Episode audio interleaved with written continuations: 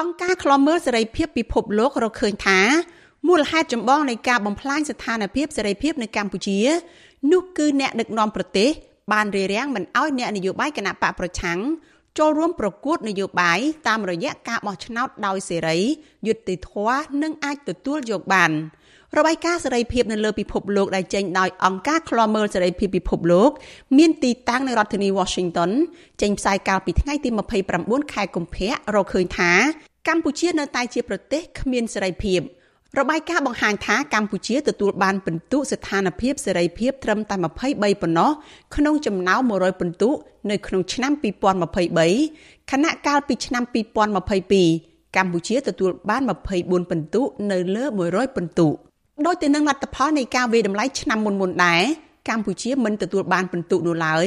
ចំពោះស្ថានភាពនីតិរដ្ឋនិងប្រព័ន្ធតុលាការដែលឯករាជ្យ បន្ថែមពីនេះរបាយការណ៍បានសង្កត់ធ្ងន់ចំណុចសំខាន់3ដែលធ្វើឲ្យកម្ពុជានៅតែជាប្រទេសមិនមានសេរីភាពនោះគឺទី1ដោយសារតែរដ្ឋាភិបាលរំលាយស្ថាប័នសារព័ត៌មាន VOD ទី2 ការបោះឆ្នោតដោយមិនមានវត្តមានគណៈបកភ្លើងទៀនកាលពីខែកក្កដាឆ្នាំ2023និងផ្សព្វផ្សាយព័ត៌មានคล้ายៗដើម្បីទទួលបានអ្នកគាំទ្ររបស់គណៈបកកណ្ដាលអំណាចតាមអនឡាញហើយទី3គឺការស្នងតំណែងនាយករដ្ឋមន្ត្រីពីឪពុកមកកូនរបស់លោកហ៊ុនម៉ាណែតនិងការបង្កើតគណៈរដ្ឋមន្ត្រីមួយដែលបន្តត្រកូលពីឪពុកម្ដាយទៅកូនកូនរបស់ពួកគេសហនិពន្ធរបាយការណ៍នៃអង្គការឃ្លាំមើលសេរីភាពពិភពលោក អ្នកស្រីយ៉ាណា Gorokhowskia លើកឡើងថាការចុះអន់ថយស្ថានភាពសេរីភាពទាំងនេះដោយសារតែអ្នកកាន់អំណាចបានប្រើគ្រប់វិធីដូចជាការគំរាមកំហែងប្រើអំពើហិង្សាទៅលើដៃគូប្រកួតប្រជែងនយោបាយនិងការបំពុលបរិយាកាសនៅក្នុងដំណើរការបោះឆ្នោតជាដើម វិទ្យុអាស៊ីសេរីមិនអាចតាក់ទងប្រធានអង្គភិបអ្នកនាំពាក្យរដ្ឋាភិបាលលោកប៉ែនបូណាដើម្បីសុំការបកស្រាយជុំវិញរឿងនេះបាននៅឡើយទេ នៅថ្ងៃទី2ខែមីនាទោះជាយ៉ាងណាកន្លងមករដ្ឋាភិបាលកម្ពុជាមិនដែលទទួលយកលទ្ធផលនៃរបាយការណ៍អង្គការជាតិអន្តរជាតិដែលរកឃើញពីចំណុចខ្វះខាតរបស់រដ្ឋាភិបាល ក្នុងការលើកកម្ពស់លទ្ធិប្រជាធិបតេយ្យនិងគោរពសិទ្ធិមនុស្ស ជាក់ស្ដែងកាលពីខែមករាកន្លងមកលោកប៉ែនបូណា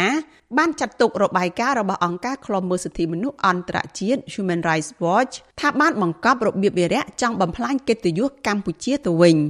ជុំវិញរឿងនេះអ្នកតាមដានភូមិសាស្ត្រនយោបាយតំបន់អាស៊ីអាគ្នេយ៍និងប៉ាស៊ីហ្វិកលោកសេងវ៉ាន់លីមានប្រសាសន៍ថា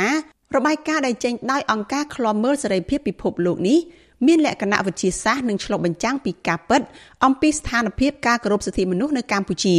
លោកបន្តថាដើម្បីបានទទួលផលចំណេញពីរបាយការណ៍រដ្ឋាភិបាលនិងអាជ្ញាធរពាក់ព័ន្ធគួរយកចំណុចអនុសាសន៍ជាជាងបដិសេធលទ្ធផលរបាយការណ៍ដោយមិនមានហេតុផលត្រឹមត្រូវ។ ដោយសាររដ្ឋាភិបាលបច្ចុប្បន្នតែងតែលើកឡើងថាខ្លួននឹងខិតខំប្រឹងប្រែងដើម្បីជំរុញកំណែទម្រង់ទាំងរដ្ឋបាលសាធារណៈហើយក៏ដូចជាកំណែទម្រង់ប្រព័ន្ធគ្រប់គ្រងឲ្យមានដំណាភាពការនៃភាពខ្លាំងជាងមុនអញ្ចឹងខ្ញុំគិតថារបាយការណ៍ប្រភេទមហៅនេះមានសារៈសំខាន់សម្រាប់គោលនយោបាយបរដ្ឋាភិបាលបច្ចុប្បន្នបើសិនរដ្ឋាភិបាលបច្ចុប្បន្នពិតជាមានឆន្ទៈធ្វើកំណែទម្រង់ការគ្រប់គ្រងរបស់ខ្លួនពិតប្រាកដបាទក្រៅពីវាយតម្លៃស្ថានភាពសេរីភាពនៅទូទាំងពិភពលោកហើយនោះ របាយការណ៍ក៏បានផ្ដល់អនុសាសន៍សំខាន់ចំនួន5ចំណុចដើម្បីលើកកម្ពស់សិទ្ធិសេរីភាពរបស់ប្រជាពលរដ្ឋអនុសាសន៍ទាំងនោះរួមមានប្រទេសនាំមុខលទ្ធិប្រជាធិបតេយ្យគួរតែផ្ដល់ជំនួយបន្ថែមទៅដល់សកម្មជនជួរមុខដែលកំពុងប្រឈមជាមួយអ្នកដឹកនាំតាមបែបផ្ដាច់ការធានាឲ្យមានការបោះឆ្នោតដោយត្រឹមត្រូវនិងយុត្តិធម៌ឡើងវិញនិងបង្កើនការការពារសុវត្ថិភាពសកម្មជនសិទ្ធិមនុស្សដែលបានភៀសខ្លួននៅក្រៅប្រទេសជាដើម នាងខ្ញុំសុជីវីវិទ្យុអាស៊ីសេរីពីរដ្ឋធានី Washington